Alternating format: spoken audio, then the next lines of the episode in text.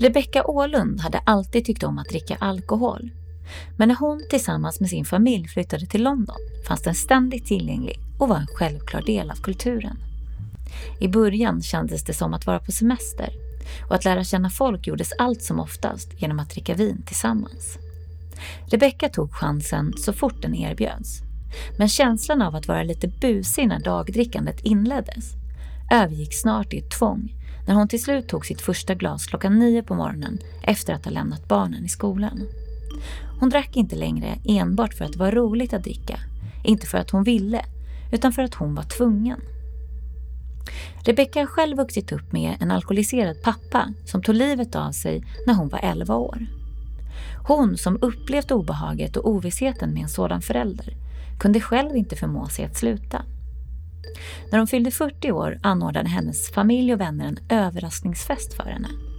Men när Rebecka såg alla nära och kära samlade kom skräcken och övertygelsen om att det var en intervention som väntade. Oron och stressen över att bli påkommen blev allt mer krävande. Och när hennes dotter ytterligare en gång bad henne att sluta dricka fick Rebecka nog och ringde berusad till en hjälplinje för alkoholister. Samtalet ledde henne till den tolvstegsgemenskap i vilken hon fann sitt tillfrisknande. Rebecka är journalist och författare och är aktuell med den självutlämnande boken Jag som var så rolig att dricka vin med. En rapport från ett år som nykter alkoholist. Det är en bok som fått ett mycket varmt mottagande och redan har lyckats lyfta samtalet om vår normaliserande alkoholkultur. Boken är ärlig och gripande om hur det är att vara alkoholist. Men också inspirerande, hoppfull och rolig. Om att det faktiskt går att tillfriskna. Precis som Rebecka själv.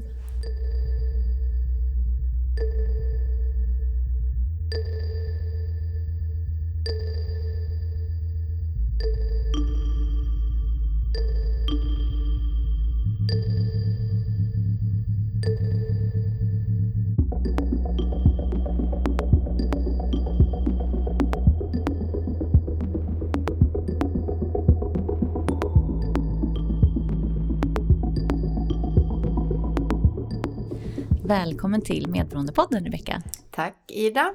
Hur mår du idag? Jag mår jättebra idag. Varför då? Jag gör bara det.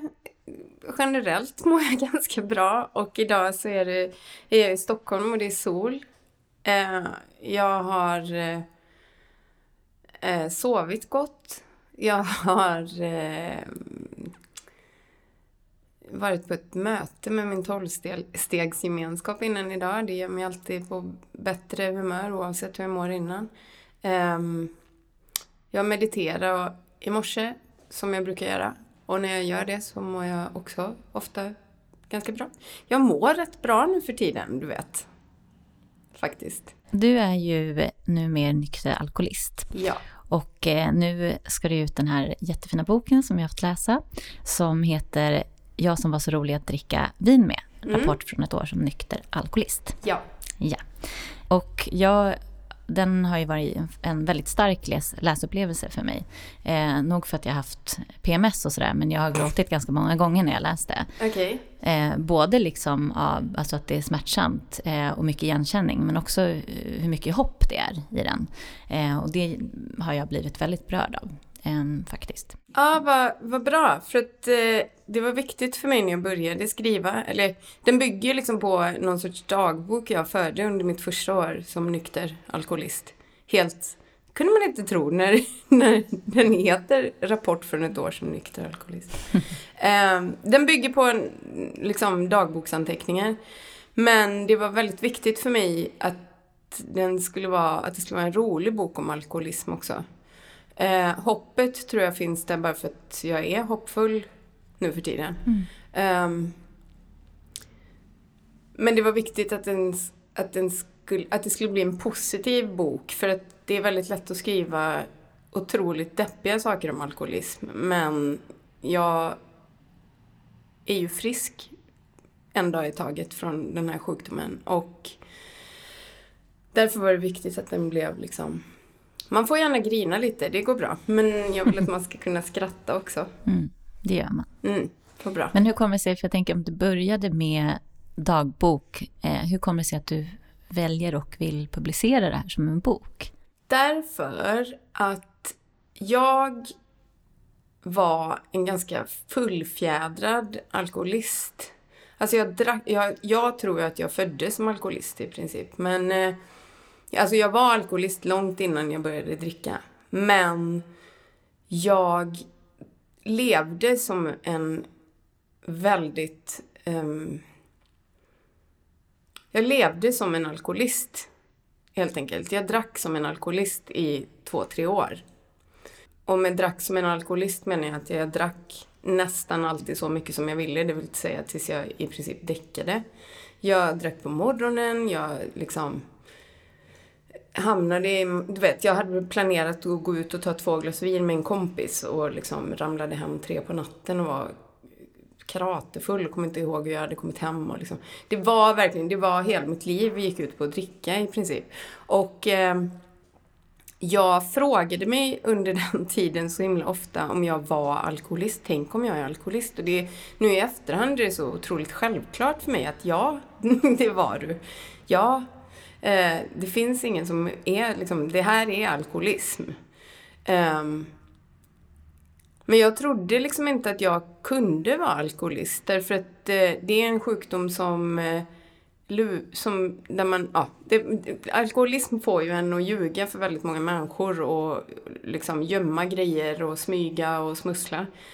Och mest av allt skulle jag säga att man ljuger för sig själv. Alltså jag förnekade ju att jag hade problem, fast det var jävligt uppenbart. Um,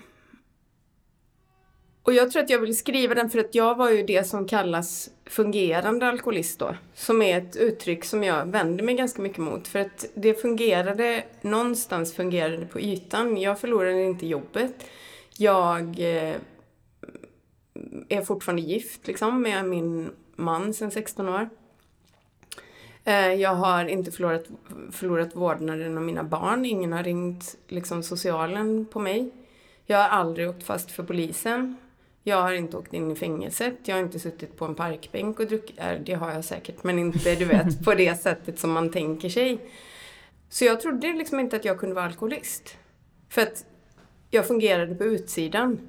Men insidan var något helt annat. Det var ju bara ett, liksom ett mörker och träskigt som fan. Det, jag mådde ju skit. Jag fungerade ju inte överhuvudtaget.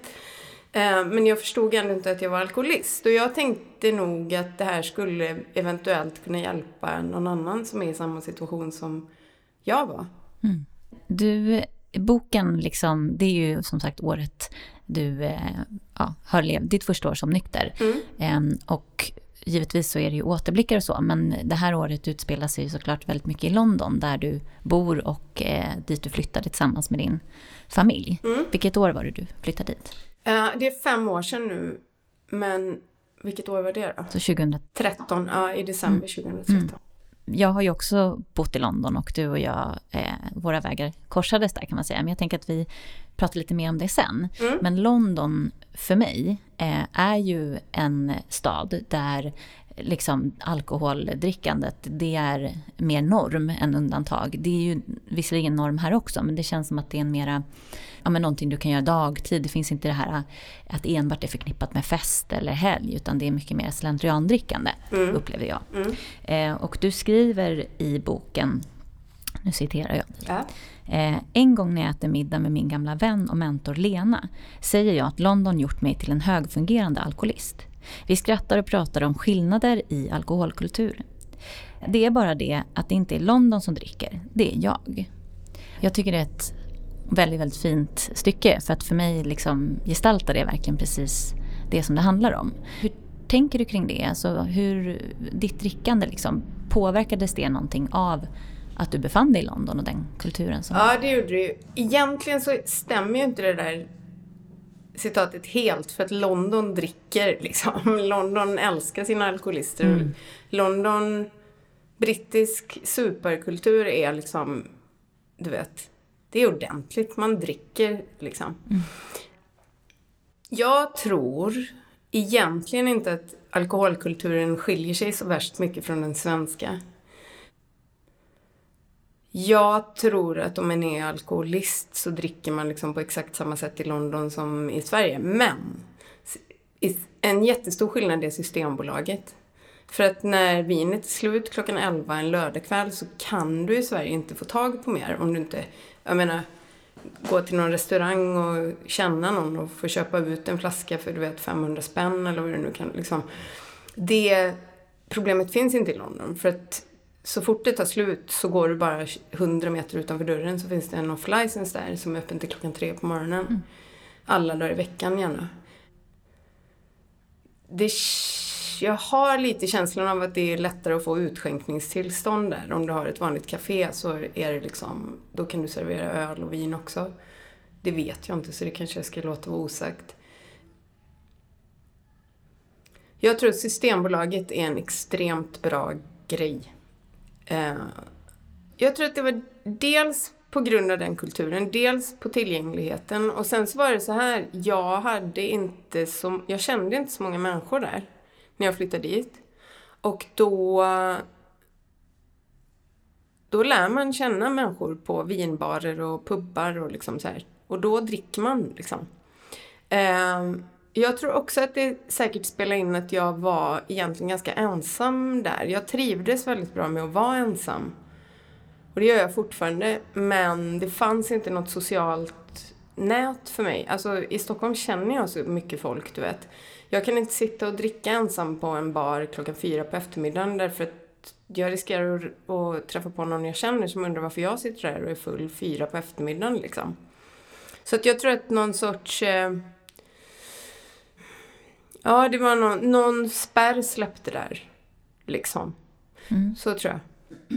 Och också, och också att flytta utomlands var en väldigt stor, stor omställning för mig och det kändes under väldigt lång tid som att vara på semester. Mm. Och när man är på semester så är ju ingenting farligt. Då kan man ju röka. Då är det inte farligt att röka när man är utomlands. Du vet, det kändes som att vi var på, utomlands på semester och då är dricka inte så farligt liksom. För det gör man då. Mm. Så. Ja, eh, som jag nämnde precis lite innan så, nu blir det lite mer personligt, men du och jag, jag blev ju, jag, jag och min sambo flyttade 2014 till London, mm. till östra London, där även du bodde. Och då blev jag ihopkopplad med en tjej som heter Rebecka som eh, jag skulle klicka med, och, mm. vilket jag gjorde. Mm. Eh, och den här personen var ju väldigt rolig att dricka vin med. Ja. Och det blev ju precis så som du beskrev. Alltså för mig var det ju också så att man bodde i en stad där jag kände väldigt få personer och eh, det är så enkelt att gå ut och dricka. Och det blir ju liksom mer och mer vardag. Det var det för mig också, att man kunde ta en drink på dagen utan att det var något konstigt. Mm. Och jag har en sån där, eh, eh, liksom en symbolisk bild som jag kan känna nu efteråt, eh, när du och jag satt på en eh, vinbar som vi brukade gå till väldigt ofta. Ja. Och eh, drack rosévin och så ville vi beställa in en flaska till och då var det slut ja. på roséet. Och då blandade eh, han som har baren rött och vitt vin till att det blev en rosa färg. Och den här blandningen eh, kallade han då för Emergency Rosé. Ja, jag kommer ihåg det här. Ja. Och nu, jag tycker det är så intressant, då tyckte vi att det var väldigt underhållande och lustigt och liksom, det blev en härlig grej sådär. Men nu så här efteråt så får det någon slags symbolisk effekt för mig. Mm. Alltså, liksom emergency rosé, alltså mm. det här var liksom någonting som verkligen behövdes mm. eh, för att det var kris, mm. eh, akut, eh, snarare än att det är så lustfyllt. Mm. Eh, hur tänker du på det nu? Eh, alltså, jag tyckte ju om dig redan från början och vi fick ju jättefin kontakt. Jag tror vi fikade första gången vi träffades och det var ju liksom jättebra. Men jag tror att vid det laget så kände jag det hörde liksom till alltid att bli full tillsammans. Och för att man då kunde öppna sig. För jag, jag tror jag skriver det någonstans i boken. Ibland känns det som att jag bara ville att alla skulle bli fulla så vi skulle kunna prata om döden. Nej men alltså det uppstår ju en gemenskap när man dricker tillsammans. Som egentligen, så som jag ser på det nu, är ganska fake För att den bygger på att man är full och är någon annan. Men den kan vara ganska mysig också liksom. Mm. Och jag kan ju tänka jag kan också tänka på att fan, emergency rosé, jag minns inte hur det smakade ens men... Jag tror men, tyckte det var gott. Men, ja. Men alltså, um, jag kan förstå att han som hade baren kallar det för det. För att det är ju katastrof att gå torrt på rosévin en solig eftermiddag, liksom, om man har en vinbar. Men Ehm, jag tror att när jag, när jag väl hade börjat dricka, vid den, vid den tiden, det var ju ändå ganska tidigt, men vid den tiden så var det var det här ett glas och sen så var det nästan som att jag var jagad. Jag ville bara dricka mer liksom. Så det kanske var liksom emergency faktiskt. Mm. Ja, det, för mig känns det lite, ja, men med facit i hand, att det, det fanns någon symbolisk mening med det där. Eh, men sen är det också väldigt fint för det där året, eh, det känns som det kommer betyda mycket för mig också. Eh, jag hade ju bearbetat min barndom väldigt mycket med min mamma som alkoholist och psykiskt sjuk. Gått i terapi och sådär och var väldigt öppen med det. Och även du hade liknande erfarenheter med din pappa. Mm. Vill du berätta kort om, om det? Ja, alltså jag växte ju upp i Brämhult utanför Borås i, där det var liksom väldigt välordnat och någon sorts, eh, i alla fall materiell medelklass. Eh, båda mina föräldrar arbetade som lärare och allt där tror jag, det mesta såg liksom bra ut på utsidan där. Men min pappa var ju alkoholist alltså. Och eh, han var periodare. Så att eh, i perioder så var han en helt du vet, fantastisk människa. Han var verkligen otroligt intelligent och superkarismatisk. Och jag, jag har ju skrivit om honom ibland under åren. Och varje gång jag har gjort det så har jag fått liksom mail från folk som hade honom, du vet, i åttonde klass någon gång på 70-talet. Som, som minns honom som världens mest inspirerande lärare. Och de har sina jobb idag på grund av att han liksom fick dem att, du vet, läsa vissa böcker eller så här tro på sig själva liksom. Han, han var säkert en väldigt gränslös människa i sin lärarroll också. Men han var också en otroligt så här, inspirerande, fantasifull liksom, sagofarsa typ. Som, och vi gjorde så jävla mycket roliga grejer, du vet. Vi gick på utflykter i skogen och han byggde ett laboratorium till mig när jag var fyra år och du vet. Vi eldade jättemycket och liksom byggde vattenfall och höll på. Um, men han var ju också en alkoholist och i, i perioder då. Vilket var extremt skrämmande för mig och min bror. Uh, för att då var han en helt annan person. Um, och det blev liksom värre och värre. Och jag vet att um, Ja, men han, han, han, jag tror aldrig han fick någon psykisk diagnos, men jag skulle tro att han var bipolär. För att han hade de här extrema svängningarna och vissa perioder när han inte sov överhuvudtaget. Och en sån period slutade med att han, ja, han sov inte på två veckor och sen så gick han ner i ett sånt där hål igen. Och det slutade med att han tog livet av sig när jag var 11 år. Um, och då blev allting tyst. Så då tror jag att jag stängde av liksom. Um, jag, ett halvår efter att han dog så fick jag diabetes. Och då förstod jag nog ännu mer att det liksom inte gick att... Jag blev någon sorts liten kämpe som bara kämpade på, du vet. Och jag, jag kunde inte prata med någon om hur jag kände mig. Det är inte någonting jag lastar någon annan för. Jag tror inte det fanns en sån beredskap kring den typen av händelser när jag var liten. Jag förstår ju nu att det var ett stort trauma, men, men det... Jag tryckte tillbaka det helt enkelt och fortsatte vara en liksom, duktig tjej. Och... Det som var lite problematiskt var att min pappa var alkoholist på det sättet att han, han sa till mig när jag var sex år gammal att lagar och regler är till för folk med dåligt omdöme, men vi har bra omdöme. Så att vi kan göra lite som vi tycker blir bra. Och det har jag liksom burit med mig typ tills nu. Det har mm. format mig otroligt mycket. Uh, han, du vet, han snodde grejer. Han snodde gummistövlar till mig och jag var skiträdd varje gång det regnade. Så här.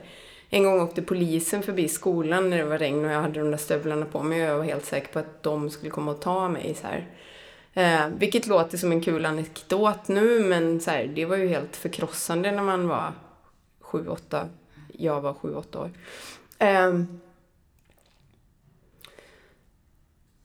att han var alkoholist tror jag fick... Jag hatade liksom alkohol, så när mina kompisar började dricka när vi var typ 13 så gjorde inte jag det. Jag var med på alla fester och sånt, men jag drack inte för jag var, jag var jätterädd för att förlora kontrollen. Sen tror jag att det fanns något, alltså jag hade så mycket hemligheter och hela det här liksom sorgen som jag inte kunde, kunde känna på något sätt, eller ta itu med på något vettigt vis.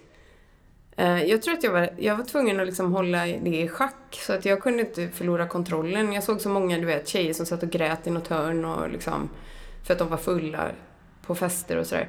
Så det vågade jag absolut inte göra. Jag var 16-17 innan jag vågade börja dricka. Mm. Men va, hur upplevde du det då när du började liksom komma i kontakt med alkohol? Jag, var, jag drack ganska... Jag tyckte det var skithärligt men jag drack också ganska liksom rimligt. Jag drack inte så mycket så att jag, du vet, kräktes någon gång eller liksom däckade eller någonting sånt. Jag, jag höll det rätt, du vet, så att man blir glad och, och går på Ritz i Borås och dansar typ till liksom Mr Vain. um, ja, och sen Sen fortsatte jag, sen flyttade jag till Göteborg och, och pluggade och då gick vi ut hela tiden. Men det gjorde alla runt mig också. Då drack vi mycket men det var, jag var aldrig bakfull och det hände aldrig några jobbiga grejer för att jag var berusad liksom. Och sen flyttade jag till Stockholm när jag var 23 tror jag. Och då umgicks jag ju också bara med andra som var 23 och 24 och 25. Alltså alla, jag började jobba media och alla drack som jag. Vi var ute jämt. Vi, och det var också så här, Um, du vet, det var spelningar och releasefester och liksom det ena och det andra. Så vi kunde vara ute i princip varje dag i veckan och bli fulla gratis. Det var inga problem. Folk jobbade på så här webbyråer som hade stora kylskåp med liksom drinkar, eller så här, alkohol och ja, vin och öl och vodkaflaskor, du vet. Som de fick bara gå och förse sig. Så att vi jag och den ganska stora vänkrets jag hade då, vi var liksom ute jämt och drack jämt. Ehm, men jag, och jag blev säkert för full ganska många gånger men det var fortfarande inte så att jag hade några konsekvenser liksom direkt. När skulle du se liksom så efteråt att ditt, för det är ju så, alkoholism brukar man säga, det är en progressiv sjukdom. Mm. Att man liksom dricker mer och mer. Mm. När skulle du säga att så här efteråt, kanske inte när du kom till insikt utan med facit i hand så. Eh, när kan du se att liksom ditt drickande började eskalera så att det började få negativa konsekvenser? Det tycker jag, det tycker jag faktiskt att det hade redan under den tiden jag fortfarande tyckte att det var väldigt roligt hela tiden.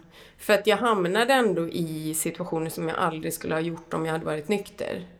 Jag eh, tror, alltså någonstans så tycker jag att det värsta var när jag började dricka, alltså när jag började dricka, när jag drack så pass mycket så att jag, jag inte hade kunnat ta hand om mina barn om det skulle ha hänt någonting. Mm. Eh, jag fick min första dotter när jag var 30 Eh, Eh, jag drack inte under graviditeten. Eh, ingen av mina graviditeter. Eh, och det var inga problem. Men jag har alltid, alltså jag... Jag var fyra år första gången jag kände ångest. Någon sorts oro inombords. Och det har jag levt med hela mitt liv. Jag förstod inte ens, när jag började mitt tillfrisknande så förstod jag inte ens vad folk pratade om när de pratade om oro därför att det var mitt normalläge. Och när jag fick barn så blev jag ännu mer orolig för dem, för att det skulle hända dem någonting. Och löste det på det konstigaste sättet som var att den enda gången jag slappnade av ordentligt var när jag drack. Eh, och det var nog några gånger redan när de var ganska små som jag blev väldigt, väldigt full när de var med. Men det var också så att det var andra människor runt som blev det också, som jag blev det tillsammans med. Eh, och det kan jag tycka idag är jävligt olämpligt alltså. Eh, för hade det hänt någonting, vi hade verkligen änglavakt allihop där, för hade det hänt någonting med något av barnen så hade ingen kunnat ta dem till sjukhus eller du vet styra upp situationen. Men det normaliserades för att, för att alla runt mig också drack. Jag tror att det var... Jag tror också verkligen... Eller det, det är ju en progressiv sjukdom. Men jag tror att det var... När vi flyttade till London så hade jag ändå fortfarande vissa gränser kring hur jag drack. Till exempel så drack jag inte ensam och jag drack inte på dagarna och du vet. Men där så, det skriver jag också om i boken, hur går det till när man börjar dricka på dagarna? Och det, det har jag ett väldigt tydligt minne av första gången jag gjorde det. Då stod det en liten slatt rosévin kvar i kylen efter dagen innan och det var på den tiden det fortfarande kunde finnas slattar kvar i kylen utan att jag drack upp dem. Um, och jag tog den lilla slatten och hällde upp ett glas och, och drack det. Vid typ två på eftermiddagen. Och sen gick jag och hämtade i skolan. Alltså, det här kändes så, det kändes inte farligt. Det kändes bara lite busigt. Jag hade kunnat berätta det för dig och bara, vet du, jag tog en liten slurk rosé innan jag gick och hämtade i skolan, du vet. Och sen tror jag inte jag drack mer den dagen och, och sen måste jag ha gjort det igen. Och sen gjorde jag det igen och sen blev det tidigare och sen så började jag köpa småflaskor vin på liksom Tesco, du vet. Riktigt jävla piss. Och, och sen så, efter bara några veckor veckor med det tror jag så började jag köpa hela flaskor. Um, och det var där någonstans också som jag började gömma flaskor för Johannes.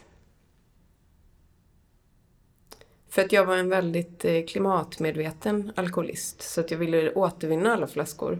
Men jag ville inte att han skulle se dem i den där gröna återvinningspåsen. Så att jag återvann dem ute i parken istället. Vilket är, det är så jävla tragiskt. Men så funkade min hjärna då. Och eftersom jag höll det hemligt och ingen märkte någonting så fanns det egentligen inte. Det hände egentligen inte. Jag ljög för mig själv. Så att jag lyckades ljuga för alla andra också. Eller om det var tvärtom. Men reflekterade du någon gång under den här tiden när det kanske inte, ja vi säger att du inte hade liksom kapitulerat helt och fullt. Att du funderade någonting på din pappa, liksom hans drickande. Att började du reflektera över hans likheter eller Grejen är att jag förstår att hela mitt liv, eftersom han var min, den enda auktoriteten för mig, han var liksom som gud för mig nästan, så har jag alltid tänkt att han typ, att hans ångest var så mycket värre än alla andras och att hans drickande, jag har ju förstått att det var självmedicinering liksom. Men jag tror att jag fortfarande, det var liksom först när jag kom in i tillfrisknandet och tolvstegsgemenskapen där man pratar mycket om, om där man liksom identifierar sig med varann och man känner igen sig hela tiden. Så kan jag se honom som en vanlig människa istället för någon sorts här extra fantastisk människa. Jag har idealiserat honom väldigt mycket hela mitt liv. Eh, jag kan ju se nu, han var en han var en psykiskt eh, sjuk person som var en alkoholist och en narkoman. Um, det kan jag se nu. Men då tror jag aldrig att jag tänkte att det var att jag var liksom att det hade någonting med mitt drickande att göra. Konstigt nog, för jag menar jag visste att alkoholism fanns och att det var en sjukdom och att det var ärftligt och allt det där. Men jag trodde inte, för det första trodde jag inte att jag själv var alkoholist och för det andra så tänkte jag inte på honom som att det var så enkelt som att han var alkoholist. Alltså boken inleds ju väldigt, väldigt starkt. Ehm, jag, jag blev jätteberörd och det är liksom som en, ett slag i magen. Och det är ju på något sätt den situationen där du, där det verkligen håller på att gå ut för, där du, man brukar annars kanske prata om botten, även om du beskriver liksom att din botten varade i flera år eh, och att den var enastående tråkig. Mm. Men någonstans så fanns det en vändpunkt eftersom att du valde att ta hjälp. Mm. Vill du berätta om liksom vad som ledde in i, i det? Ja, nej men då hade vid det laget så, det var, jag skulle fylla 40 och jag hade på något sätt fått en, jag, jag hade förstått att jag hade fan problem. För att vid det här laget så drack jag fast jag verkligen, verkligen inte ville. Och jag började ofta nio på morgonen liksom, så fort Johannes, min man och mina barn hade försvunnit iväg till jobbet och skolan. Um, jag var vad man i tolvstegsgemenskaper brukar kalla unmanageable, alltså ohanterlig. Mitt inre var det. Och jag hade någonstans... Jag visste att jag, jag måste nog ta tag i det här, men jag pallade liksom inte. Och så... Så um, skulle... Det var dagen innan min 40-årsdag och jag och några kompisar skulle ses och käka middag någonstans och vi hade varit på en bar innan och tagit en drink och jag var liksom irriterad för att vi inte hade köpt typ tre flaskor vin utan bara ett. Vi hade köpt per glas och det gjorde mig irriterad. Men eh, jag fann mig i det då. Och jag hade tagit det ganska lugnt den dagen för jag visste att vi skulle ut på kvällen så att jag ville liksom inte vara full. För att någon kunde ju märka någonting då. Um, och så kom jag ut därifrån och så, stod, så stod det en buss utanför. Och de bara, vi ska ta bussen. Och jag bara, nej, nej, vi ska, du vet, det är några hundra meter, vi måste gå. Men det stod happy birthday på, på den där bussen. Um, så då så sa jag till min kompis, ta, ta en bild på mig, jag fyller ju år imorgon. Så här. Och så kollade jag till på den där bussen. Och då stod det Rebecka 40 på den. Nej, det såg jag inte då. Jag såg bara att det stod Happy birthday. Och så, men jag kollade ditåt. Och då såg jag liksom några av mina kompisar och min svåger och plötsligt såg jag barnen och Johannes stod där också. Och då så tänkte jag, min första tanke då var Fan också, det här är en intervention. Alltså, de, kommer, de har kommit för att lägga in mig på rehab nu. För att de har fått nog liksom. Ehm, så jag fick panik och sen så tog det bara några sekunder så förstod jag att det här var en överraskningsfest och det var ju jätte... Det var en fantastisk fest. Men där någonstans så, så tror jag att jag liksom... Det var också någonting med att fylla 40. Jag var såhär, 40, fan ska jag... Nu kanske jag har levt liksom... Jag kanske har levt mer än halva mitt liv. Ska jag hålla på så här liksom? Jag var så jävla trött på att dricka, du vet. Det var så tvångsmässigt och det var aldrig roligt och jag mådde både fysiskt och psykiskt liksom verkligen skit. Ehm, och det hade redan hänt då flera gånger att min äldsta dotter Betty hade bett mig, hon hade sagt till mig så här, mamma kan inte du sluta dricka vin? Och jag hade sagt, ja jag ska inte dricka vin mer, vet. När de hade liksom sett mig sån och jag inte ens kom ihåg det. Och då så insåg jag, jag har fan svikit henne på exakt samma sätt som min pappa svek mig. Och det gjorde ont. Um, och sen så var det någon, någon vecka efter det där så sa Bodil, Johannes skulle åka bort med jobbet någonstans. Och Bodil sa, mamma, när pappa är borta kan inte du inte dricka vin då? Och då så kände, det tog, alltså det är sådana små detaljer. Jag menar, jag hade ju jättemånga tillfällen innan det som borde ha varit, du vet, den största ring, alarmklockan i världen. Men det, just det av någon anledning tog. Och två dagar efter det så ringde jag till en anonym hjälplinje för människor med alkoholproblem. Och eh, jag var full när jag ringde och så sa jag hej, hej jag är typ full. jag heter Rebecka och jag tror att jag är alkoholist. Och han, så svarade han bara, ja det är jag också.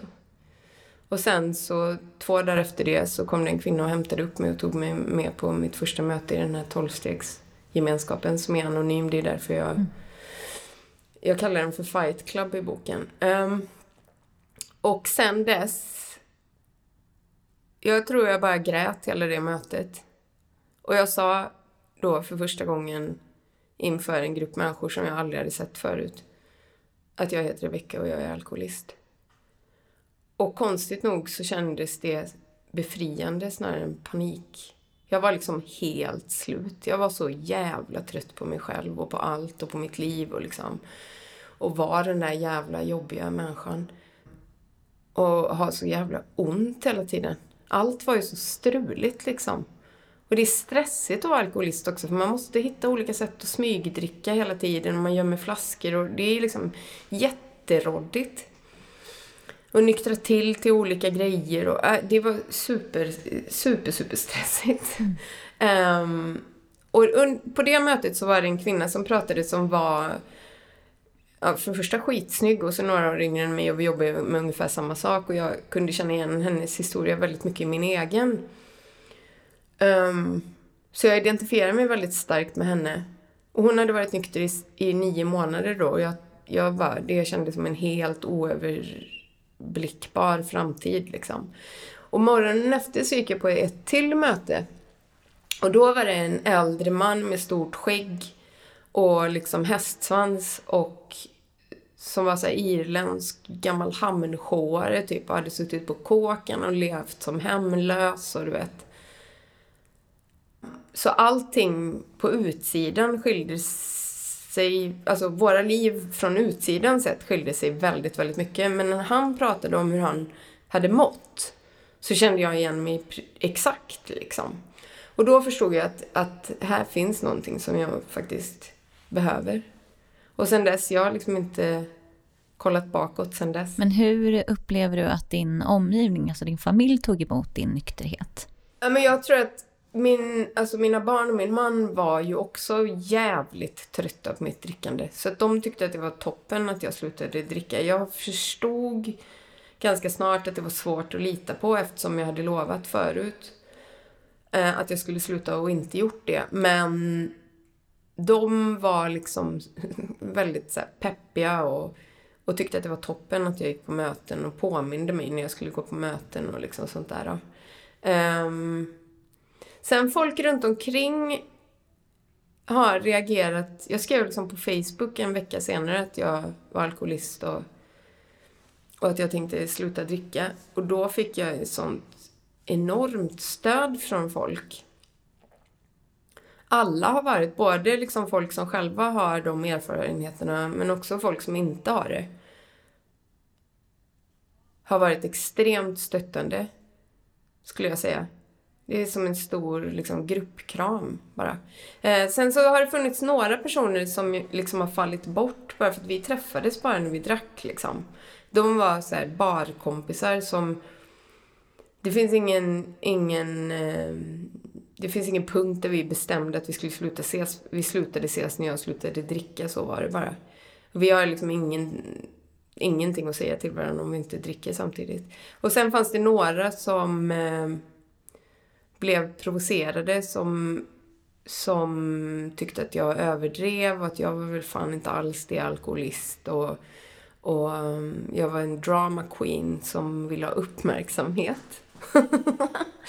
och eh, de personerna skalade jag bort också. För att eh, jag kunde inte ha det. Jag kunde inte tackla det då. Och jag tror sen förstod jag ganska snabbt att det var jävligt jobbigt för dem. För att de drack ju lika mycket som jag. Alltså, om, om du och jag har druckit tillsammans och jag är alkoholist helt plötsligt, vad gör det dig till då? Är det liksom okej okay för dig att fortsätta dricka då, eller hur? Och vi kunde aldrig prata om det där på något vettigt sätt. Och sen i efterhand så, så insåg jag också att jag skulle inte stå ut och, och umgås med dem utan att dricka. Och det är ju inte någon trevlig grej att inse att man har... Jag hade ju liksom eh, jag hade rekryterat en jävla massa kompisar för att alltid ha någon att dricka med. Så. Mm. Och det är inte så sympatiskt. Men jag har ju varit tvungen att se ganska många osympatiska drag hos mig själv mm. under de här åren. Um, så... Det där är, mm. Jag tänker, nu är du inne på det lite grann ändå. För att du skriver en del om att du har känt utanförskap, eller du kallar det för annanförskap. Mm. Och att ditt sätt att hantera det dels har varit att kanske aktivt välja att vara annorlunda, klä dig annorlunda och så. Eh, samtidigt så beskriver du också vikten av den här igenkänningen, den här gemenskapen som du fick i det här tolvstegsrummet kan man ja. säga. Det låter ju, bara nu när jag lyssnar på dig, så låter det ju som att det fanns en gemenskap i drickandet tidigare. Men kan du på något sätt känna att när du blev nykter, alltså om du inte skulle haft den här gemenskapen och blivit nykter, tror du att det hade liksom ännu mer bidragit till att du skulle känt dig eh, utanför och sådär? Eh, tror du att du hade klarat att vara nykter utan den här gemenskapen? Inte en chans. Inte en chans. Det är, dels är det den gemenskapen och dels har jag haft någonting som kallas andligt uppvaknande på svenska. Och jag är idag övertygad om att utan att arbeta i tolvstegsprogrammet och lära känna mig själv och lära mig att acceptera mig själv precis så som jag är istället för att liksom ha massa jävla idéer och fantasier. Um, om jag inte hade gjort det, om jag inte hade haft ett andligt uppvaknande, jag tror på Gud ju idag. Det är inte den samma guden som, som jag lärde mig om när jag konfirmerades och sådär. Jag har fortfarande, jag har en väldigt liksom klar känsla i hjärtat eller vad det nu sitter i själen av vad den här högre makten är. Men det är väldigt svårt att beskriva. Um, och utan det, jag tror, det var det jag sökte hela tiden. Det var det jag sökte i, när jag liksom, både genom alkohol men massa andra grejer som jag har försökt, du vet, fylla den inre, den inre tomheten med. Um, men jag har inte hittat den förrän nu. Så på många sätt så är jag liksom tacksam över att jag är alkoholist. För att annars hade jag aldrig behövt... Det blev så pass desperat situation så att jag var tvungen att göra någonting åt det. Och genom det så upptäckte jag de här grejerna. Alltså gemenskapen och, och tolvstegsprogrammet. Eh, och en högre makt. Och utan det... Och det här kan jag säga med 100% säkerhet. Utan att ha det och inte dricka heller så hade det, alltså det skulle ha varit det skulle vara bättre för, för alla runt mig om jag drack än om jag var nykter utan de sakerna, utan den hjälpen. Mm. För att eh, alkoholism beskrivs som en fysisk allergi som innebär att så fort jag tar ett glas så är liksom all bets off. Då, då kan vad som helst hända och jag kommer vilja ha mer.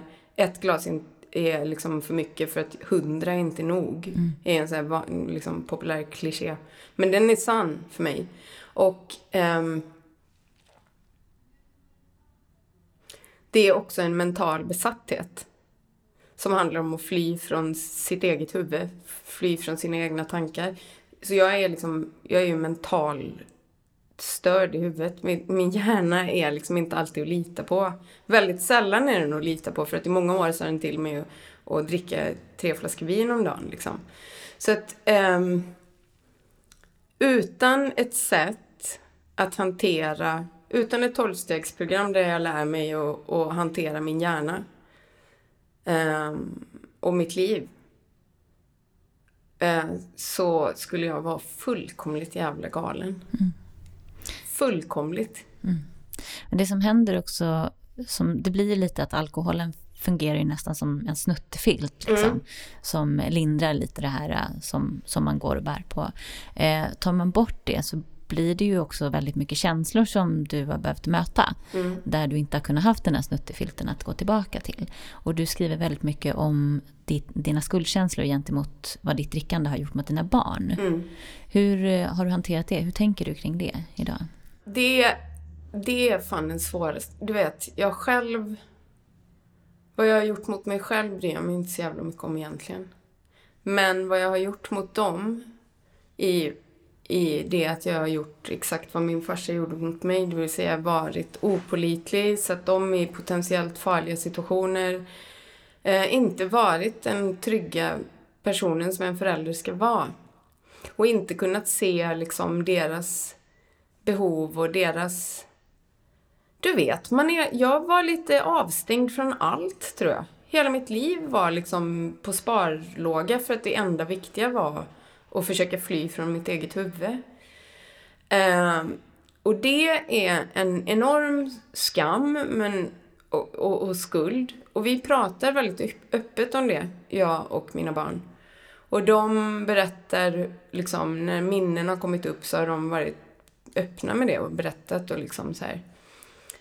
Um, och det är någonting jag kämpar med att förlåta mig själv för varje dag. Kan jag säga. Varje jävla dag. Och vissa dagar går det bättre och vissa dagar så blir jag helt faktiskt knäckt över att jag var den mamman som jag var. Um, och jag är inte på några sett någon perfekt mamma nu, det kan du fråga dem om. Men eh, eh, jag är en hel människa på ett annat sätt. Och jag tror att på det sättet jag hanterar det är att jag lever min gottgörelse mot dem. Och den innebär att jag håller mig nykter och håller mig liksom gör så gott jag kan och inte någonsin igen dricker. Alltså du är ju själv som du, som du kallar alkoholistbarn. Det är ju intressant också. Jag tänker att våra vägar möttes. Eh, du hade inte kapitulerat inför din alkoholism. Jag hade inte kapitulerat inför mitt medberoende. Eh, nu sitter vi båda här och har funnit hjälp genom tolvstegsprogram. Mm. Det, är så, det är så jävla fint. Det är helt fantastiskt. Och det är, eh, men det är också, jag kan se det så här efteråt också, hur man har en slags dragningskraft till varandra. Alltså att mm. Det är som att man finner någonting i varandra. Även i, om man säger, jag var ju också aktiv i mitt medberoende. Att det är som att man klickar så himla bra. Det är ju också för att vi har kanske liknande erfarenheter och så. När det kommer till dina barn så kan jag ju tänka efteråt så här att kan det inte ändå vara någon slags tillgång eh, hos dig att du har haft den här uppväxten med din pappa för att kunna på något sätt bemöta dem? Eller hur, hur tänker du kring det? Jag vet inte. Alltså jag är ju, jag är ju bara jag på något sätt. Mm. Um, och jag är formad av vad som har format mig. Jag hade någon idé när jag skulle få min, när, när jag blev gravid, att jag var liksom så jävla besviken på mig själv för att jag inte hade hunnit gå i två års psykoterapi, vilket jag trodde skulle göra mig vanlig liksom. Uh, så jag var så här, åh nej, nu föds hon, nu kommer hon födas innan jag har typ fixat mig själv. Och sen trodde jag kanske att att ha barn skulle fixa mig. Och jag trodde liksom, på samma sätt som jag typ trodde att ett par nya skor skulle kunna fixa mig. Det, det händer ju inte, man är ju kvar i sig själv. Um, ja, men jag, tro, jag tror överlag så ser jag idag min erfarenhet av, alltså min barndom som en tillgång. Därför att jag tror att Dels så kan jag via den relatera till jättemånga andra, typ dig. Och jag tror att jag, jag menar jag skriver ju barnböcker, jag, kan, jag minns de här sakerna väldigt, väldigt tydligt och kan eh, förstå och kanske till och med, du vet, hjälpa någon som kan känna igen sig i min historia. Så eh, jag vet inte om, jag, om hur det formar mig som förälder. Det är klart att det formar mig det formar mig jättemycket som människa men det handlar också om att någonstans bryta sig fri från hur det har format mig som människa. Mm.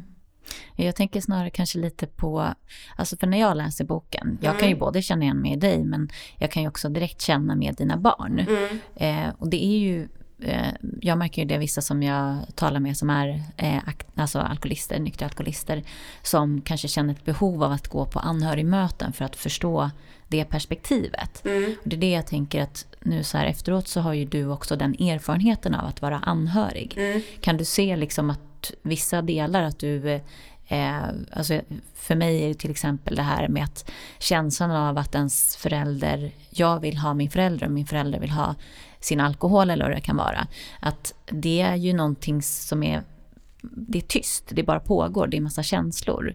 Och jag tänker att i min, i min värld så kan jag se att du kanske ändå skulle kunna förstå de sakerna utan att dina barn kan sätta ord på det. Att man har någon slags eh, djupare kontakt med hur det är att vara anhörig ja. eller barn till Jag har ju också varit på en del anhörigmöten och jag har varit, jag har läst in mig mycket på medberoende efter en tid i nykterhet. Dels för att jag umgås så jävla mycket med andra missbrukare.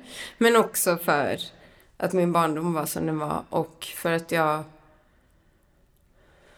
Jag tror att ja, men medberoende, alltså den litteraturen hjälpte mig till ytterligare ett steg i min egen, i mitt eget tillfrisknande. För att jag såg det, eh, jag tror att det hänger ihop för nästan alla. Mm. Jag tror, för att det är inte, det är inte, det är väldigt sällan ett barn från en helt, alltså finns de ens? De här liksom supersunda helylle-familjerna. Alltså, det finns en smärta som måste hanteras. Den kanske finns hos alla människor och det är inte alla som blir beroende. Men... Eh, jo, men jag, jag, jo, det finns nog någon förståelse liksom, som inte går att sätta ord på. Det finns det säkert. Det är svårt för mig eftersom den inte går att sätta ord mm. på. Så jag tror inte jag tänker så mycket på den. Men jag tror...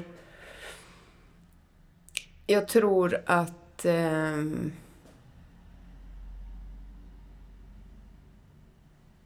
Jag tror att det är bra för dem att ha en mamma som har gjort någonting åt ett stort jävla problem.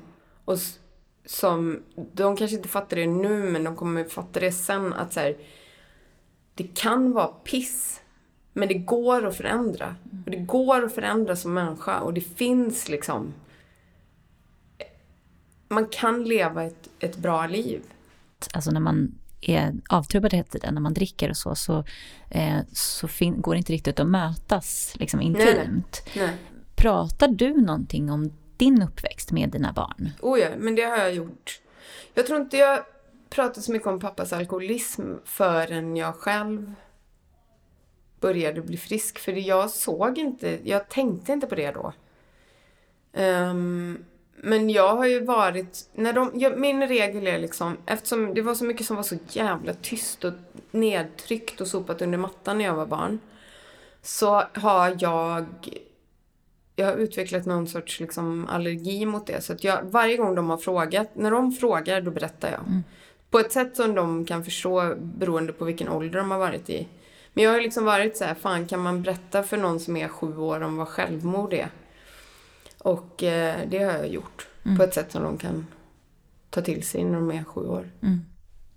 Det är där jag kan känna att det någonstans ändå måste vara en slags tillgång att kunna hitta. Ja, men jag vet inte om jag gör rätt, vet du. Jag gör bara, jag gör bara som, som känns okej. Okay, utifrån där jag är och där de är. Och eh, jag tror någonstans att ärlighet alltid är bättre än att hålla på och... För att grejen är att jag, det som inte de vuxna förstod när jag var liten var ju att jag hörde ju allt.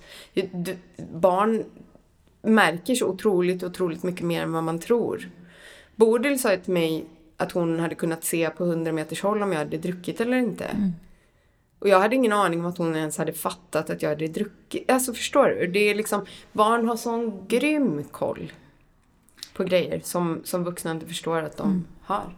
Jag tänker ur mitt eget perspektiv, liksom att det finns ju lite grann den här synen på att liksom, alkoholisten är förövaren och de anhöriga är liksom, eh, offren. Och till viss del finns det väl en sanning i det.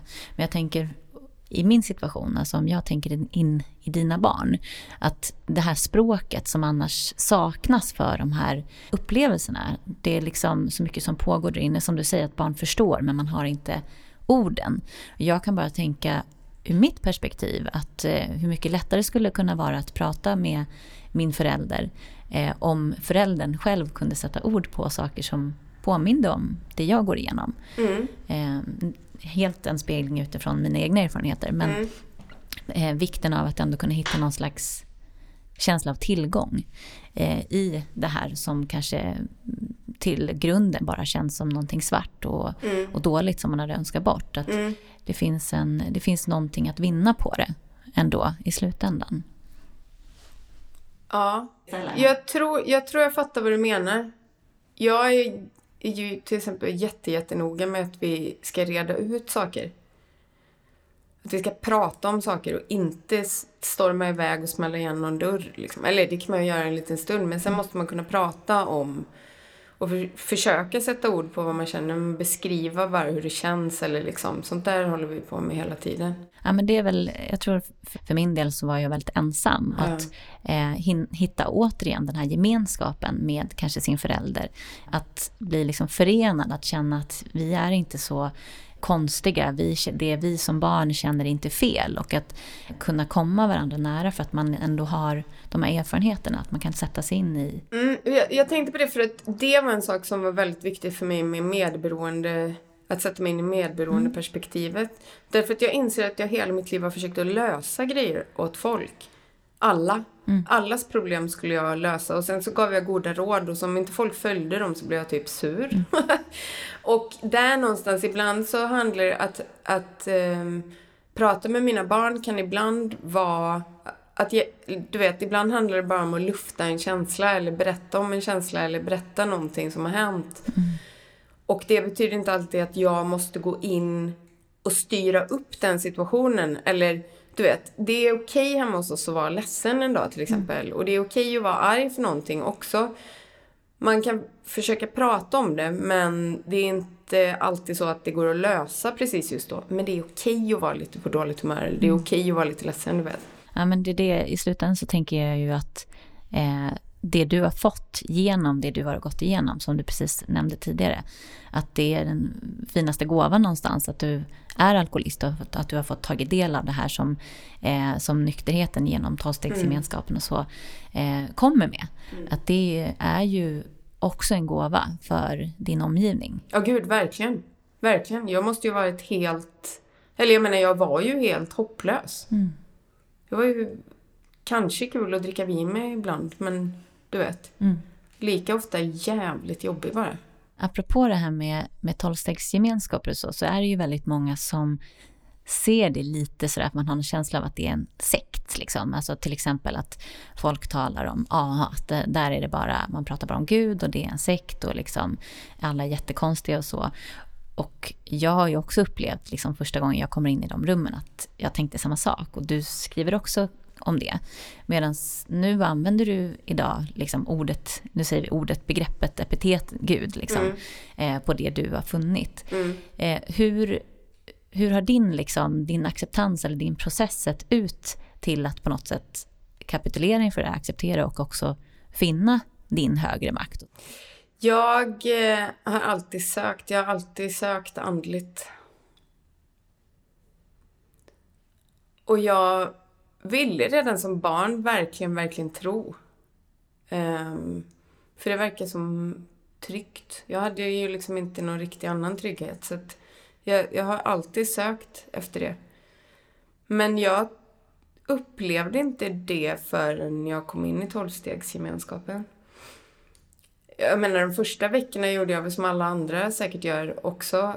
Googlade om det är en sekt och hit och dit. Och det går ju att finna. Det går ju att hitta allt på internet. Så för många människor är det ju en sekt. Men eh, jag tog det på att de inte vill ha mina pengar och på att det inte finns några liksom inträdeskrav mer än en önskan att sluta dricka eller knarka eller vad man nu håller på med. Alltså anledningen till att jag kallar det Gud är ju mest bekvämlighet för att det är så svårt att beskriva liksom, universum och hur vi alla sitter ihop. Och hur... Eh, om jag gör det illa så gör jag mig själv illa. Jag bara känner en otroligt stark... Alltså att det finns eh, eh, makter som är större än mig, det har jag alltid vetat.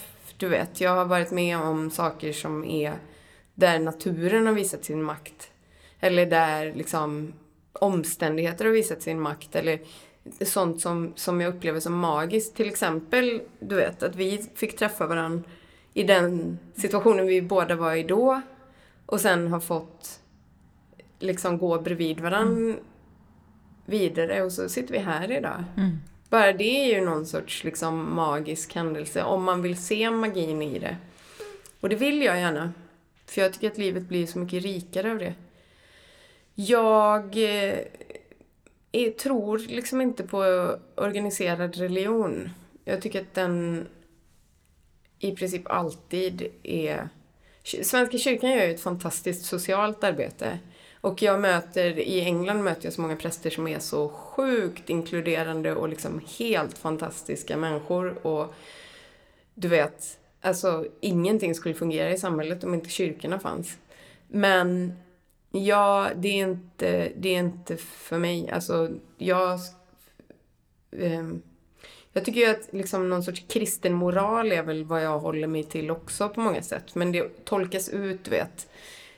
Alltså, du kan ju, det, Bibeln är ju som internet, du kan hitta vad som helst där. Och Koranen också. Liksom. Ehm. och jag bor ju nu i Stoke Newington jättenära Stamford Hill där alla ultraortodoxa judar bor. Och de verkar ha jätte, jättejobbigt och strängt för hur man ska leva utifrån sin religion. Och jag tror liksom inte på det. Men... Eh, ja, men jag har en liksom intuitiv känsla av vad som är rätt och fel. Och jag mår bra av att, att hjälpa andra människor. Och jag blir hjälpt av andra människor själv. Och jag tror någonstans Gud kanske är, är... Det kanske är lite Gud när man känner den där gemenskapen med andra människor. Du beskriver ju också, du går igenom lite Och grann djur. också. Och djur. Jag känner ju otrolig gemenskap med hundar. Mm. Och andra djur också. Men det är faktiskt, på tal om hundar, du beskriver, du talar upp, eh, du talar, du skriver om det här stegarbetet och du nämner några olika steg och sådär. Och då skriver du en, en historia eh, som berör en av dina hundar i samband med att du eh, gjorde steg tre. Mm. Vill du berätta lite om det? Jaha, nej men det var ju att jag gjorde steg tre som är att man lämnar över sin vilja och sitt liv i Guds hand. Thy will be done, not mine. Och eh, jag gjorde det där med min sponsor. Det är en bön man ber liksom. Uh, och en vecka efter det så blev min hund Scout jättejättesjuk. Och det var liksom nära att hon skulle dö helt enkelt. Hon var helt väck. Och jag var tvungen att ta mig till ett djursjukhus utanför, långt bort från där vi bodde. Och jag kunde inte ta henne på, på bussen. Och, för du vet, den skulle ha tagit två timmar dit eller någonting. Och jag kunde inte... Jag kör inte i England och det var... Ja, men allt var liksom bara... Det var bara panik. Och jag hade också en ny liten hund som vi just hade adopterat från Cypern. Um, så jag gick liksom lite plan... Och ingen av mina kompisar med bil var hemma och du vet. Så jag gick lite planlöst ut på gatan och så kommer en taxi åkande och den var släckt men jag viftade ändå och han stannar. Och jag säger så här, den här hunden kan kräkas. Men jag måste verkligen till djursjukhus med henne. Och han bara, men hoppa in, jag kör dig, jag älskar djur, jag älskar djur mer än människor typ. Och så pratade vi och han så här, tröstade mig lite och pratade lite om svenska personer han kände till, så här, ABBA och typ. Och sen så väntade han, det tog en timme med inskrivning och undersökning av, av hunden där ute. Och då väntade han. Och sen så skjutsade han mig och den lilla hunden tillbaka till, till eh, Hackney, eh, där vi bodde. Och det var liksom, och han tog inte ens betalt för det där. Och det var så, det var så bisarrt snällt. Så där, som den där snälla människor finns ju egentligen inte. Så det kändes som att jag direkt fick så här, här! Här ser du hur det blir när du tror på Gud. när du så här, lämnar över ditt liv i Guds hand, då får du hjälp på det här jävla galna, liksom. Det var en sån... Det var så obegriplig historia. Är det fortfarande för mig? Jag har fortfarande kontakt med den taxichauffören. Vi mejlar ibland. Mm. Ja, men det är fint för att eh, många som går i de här programmen som verkligen finner en tröst och en tilltro till en högre makt, hur Mm. man nu väljer att definiera den. Eh, någon som jag träffar som eh, säger att det är ett träd, en annan som talar om en eh, gud på ett moln. Mm. Eh, någon tredje har eh, Totoro, tror jag, den här eh, animerade figuren på axeln. gillar det. Eh, alltså alla hittar sin, sin del. Någon pratar om att gruppen är det och så Mm. vidare. Och och att det är så häftigt, men också hur många sådana berättelser som liknar det här, som du precis beskriver, som, som man faktiskt kan säga är så små mirakel. Mm. Och det är eh, en Och otrolig... hunden blev frisk sen, ska jag säga. Mm.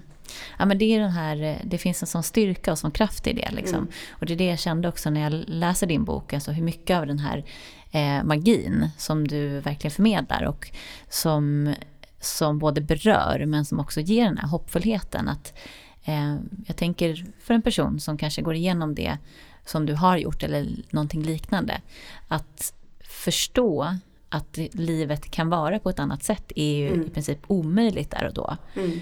Om du tittar på framtiden idag, liksom, hur ser du på den eh, nu gentemot hur du kanske gjorde innan du blev nykter? Jag vet inte ens vad jag tänkte då, helt ärligt. Jag tror att jag... Det här låter ju liksom lite onödigt dramatiskt, men jag tror inte att jag skulle bli... Jag, jag trodde liksom, jag tänkte aldrig att jag skulle bli så gammal. Jag hade någon, jag hade någon idé om att jag skulle dö ganska ung, tror jag. Inte för att jag skulle dricka ihjäl mig eller liksom råka ut för någonting så, men jag har bara trott att jag var född med otur, att någonting blev fel. Liksom. Det var fel på mig. Min pappa dog och det var fel på mig, du vet. Um, men nu, nu så är jag liksom... Um, så här. De där, de där liksom miraklen som händer. Det är för att jag ser dem nu. För att jag är inte helt upptagen med massa andra saker utan jag är en bra dag så är jag liksom här nu. Och häromdagen när jag precis hade kommit till Stockholm och hade varit hos min kompis och fått middag så såg jag en tunnelbaneförare som slängde ut så frön till duvorna på perrongen i Gamla stan. Jag blev så nästan gråtfärdig för det var så himla gulligt gjort. Mm. Och det hade jag aldrig ens tänkt på förut. Eller så hade jag tänkt, fan duvor är så jävla äckliga, du vet, flygande råttor och så. Um, så Roald Dahl sa en gång “Those who don't believe in magic will never find it” och så tror jag att tolvstegsprogrammet och hela det här har varit för mig. Att jag valde att tro att det fanns någon, ett liv. Liksom. Och då så finns det det. Ja men du vet, jag har blivit så... Jag var ju väldigt mycket ute efter eufori förut. Jag ville liksom att allting skulle vara nu och kul och intensivt hela tiden. Och om det inte var så, så var jag liksom jävligt deppig och allt var mörkt och det var liksom, jag hade de två lägena och det fanns liksom det där mellanläget som är bara någon sorts här sinnesro och och acceptans och det bara puttrar på och du vet, allt är rätt som vanligt. Det tyckte jag verkade vara världens tråkigaste liv. Jag kunde liksom inte för mitt liv förstå. När jag slutade dricka så trodde jag att jag skulle få så fruktansvärt tråkigt. Och um, om jag hade berättat för fulla Rebecka om nyktra Rebeckas liksom ideal lördagkväll eller typ, då hade ju hon bara, oh, du vet, gjort så här kräktecken bakom nyktra Rebeckas rygg och gått iväg så här. Uh, men nu, du vet, jag, framtiden, ja okej okay, så här. Jag eh, önskar att alla jag känner och bryr mig om ska få vara friska. Och att eh, alla ska må hyfsat bra.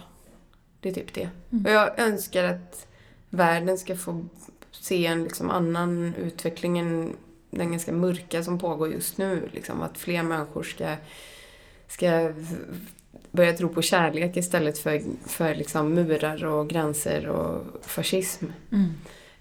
Um, och det skiftet tror jag också är möjligt nu för att du vet, jag tror på grejer nu.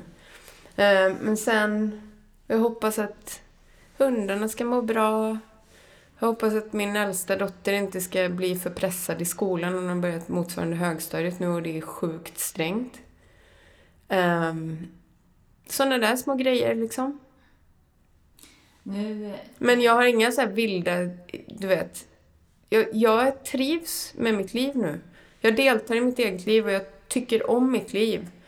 Och jag behöver inga stora förändringar eller jag behöver inte bli rik eller smal eller du vet någonting. Jag, jag är glad som det är faktiskt nu. Mm.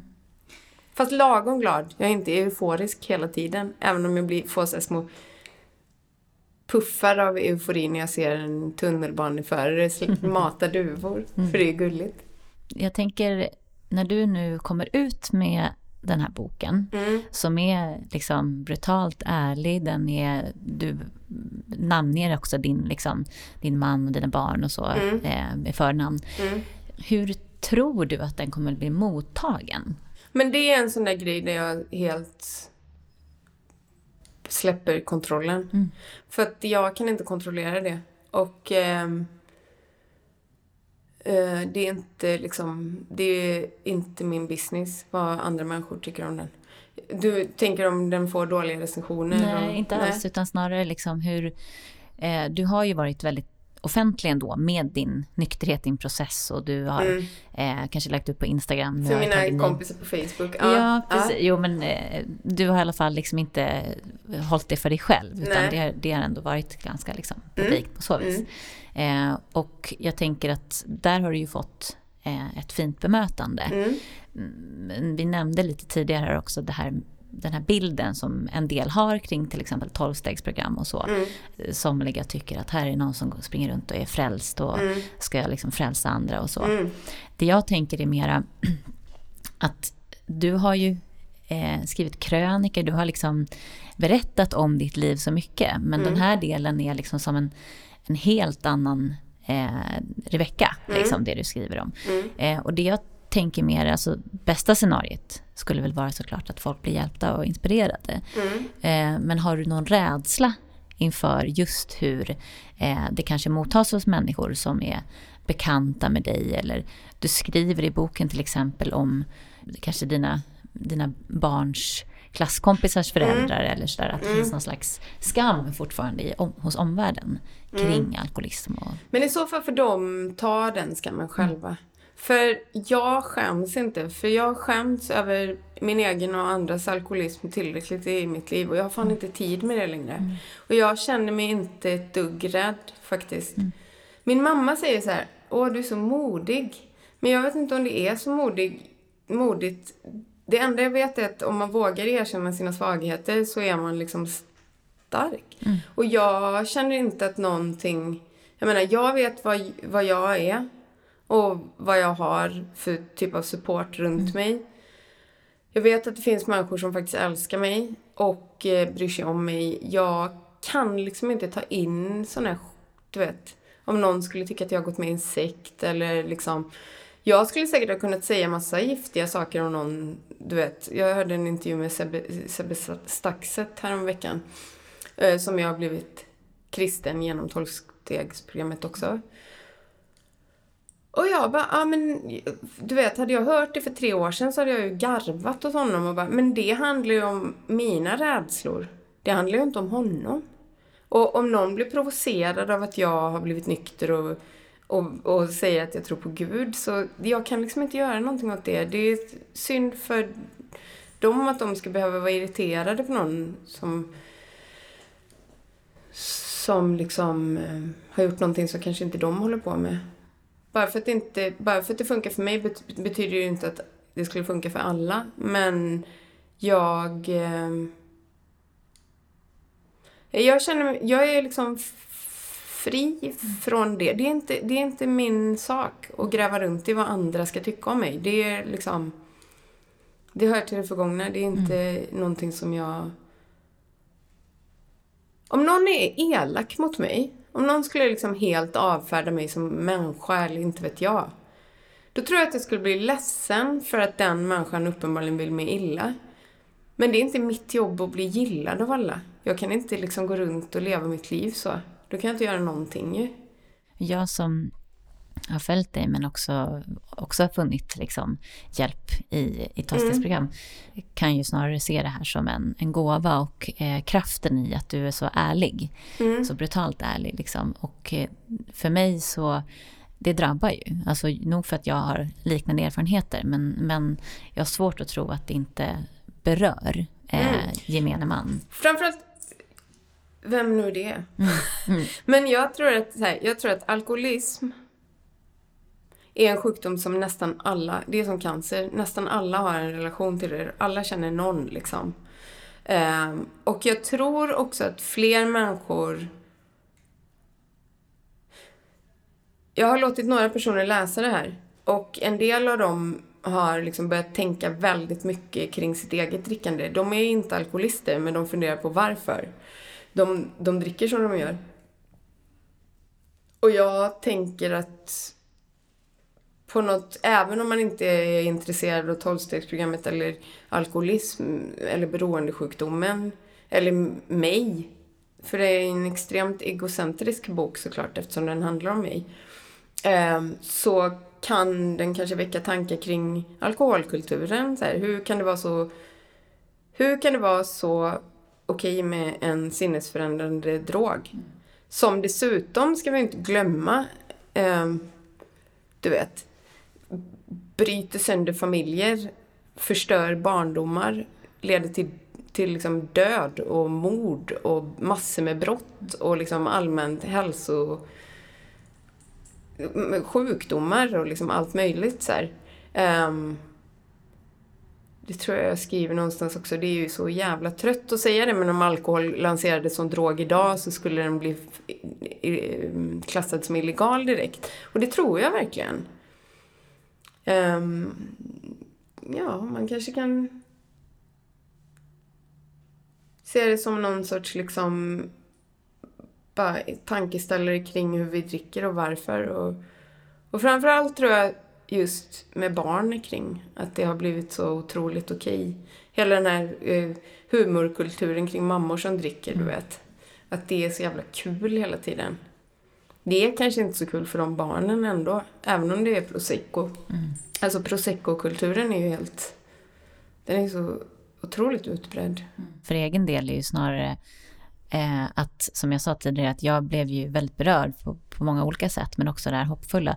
Och jag tror att en del i det är också att du kan skriva det här och att du kan ge ut det här utan att det liksom behöver handla om dig, att det behöver handla om liksom, eh, prestige eller som jag kan se mitt sjuka jag har ju verkligen handlat om bekräftelse. Mm. Eh, att det måste bli bra, att det måste mottas på ett visst sätt. Mm. Men att jag, som även med, med Medberoendepodden, att det är liksom större. Det är större än det och mm. att det är någonting otroligt vackert i det. Eh, och jag kände när jag läste din bok, alltså den där friheten som du precis pratade om, att den känns. Mm. Och att den når in i mig. Och jag är helt övertygad om att det kommer hjälpa så många människor eh, på ett eller annat sätt. Liksom.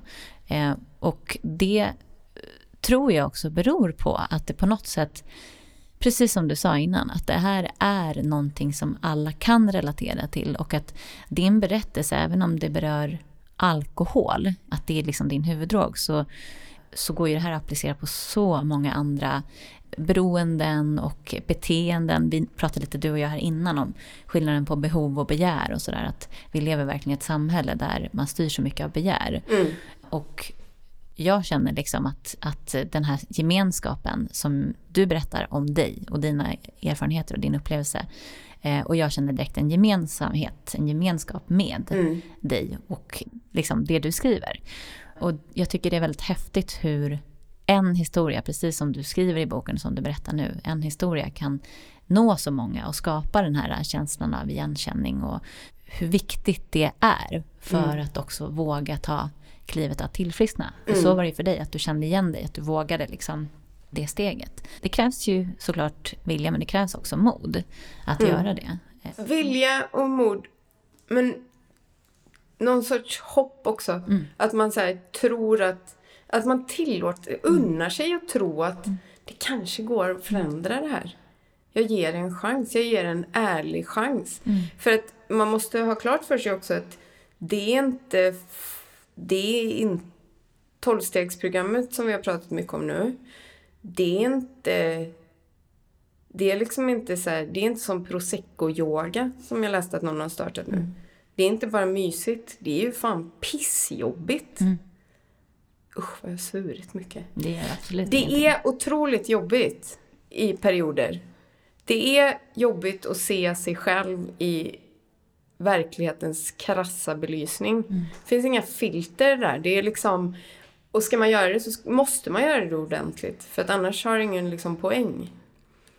Och det är, det är jättejobbigt att alltid vara närvarande i verkligheten. Att aldrig få liksom stänga av eller du vet eh, döva någonting eller, eller eh, ta udden av starka känslor till exempel.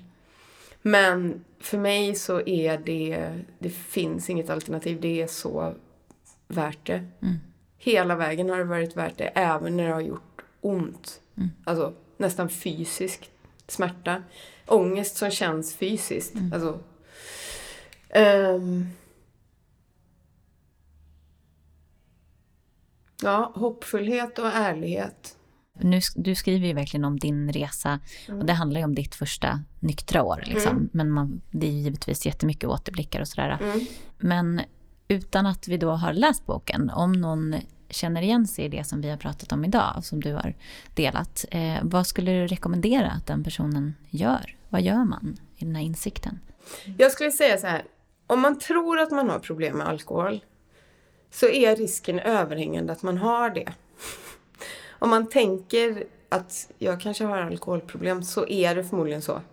Och då har du förmodligen till och med gått längre än att du har alkoholproblem. Liksom. Eh, och jag kan inte tipsa om någonting annat än att vara ärlig mot sig själv med det, vilket är supersvårt. Erkänna att det finns ett problem är första steget mot någonting. Och sen tycker jag att man ska be om hjälp, för man fixar inte det här ensam. Och det är jätte, jättesvårt. För att det finns några saker som är så otroligt föraktade i vår värld, i vårt samhälle, i vår kultur. Och det är att vara svag och att inte vara självständig och klara sig själv i alla situationer. Och jag tror att det var jättemycket det som fick mig att, att palla allt det här var att jag överhuvudtaget, att jag erkände att jag hade problem så pass tydligt för mig själv så att jag bad om hjälp. Uh, att jag kunde göra det, då var liksom allt... Då kunde jag bara köra sen.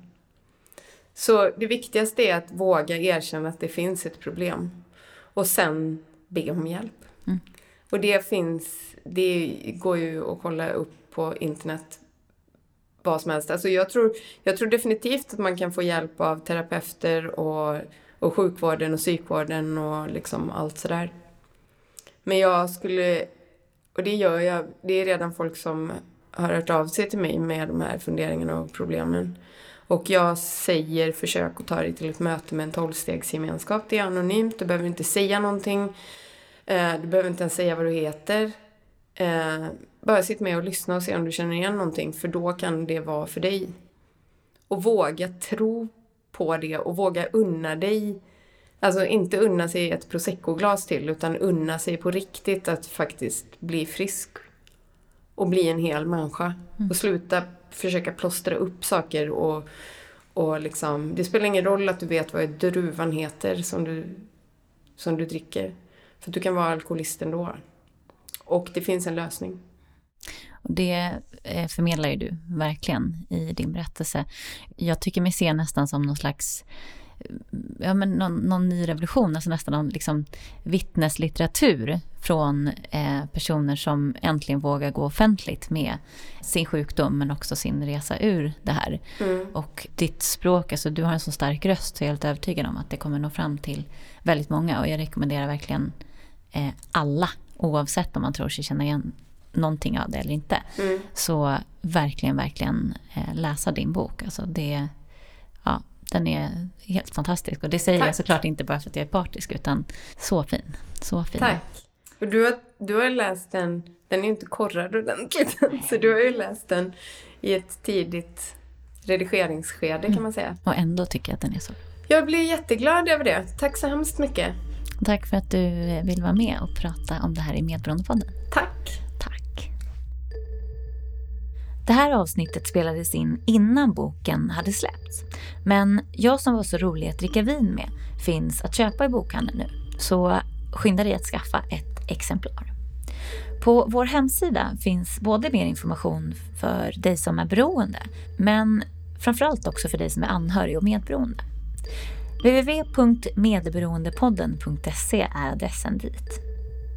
Det går nu också bra att boka min föreläsning om medberoende. Är du själv sugen på att gå kan du också tipsa din kommun eller andra organisationer som skulle kunna vara intresserade av att bjuda in mig. På hemsidan under fliken föreläsning finns mer information. Och glöm inte att följa oss i sociala medier. Där heter vi Medberoendepodden.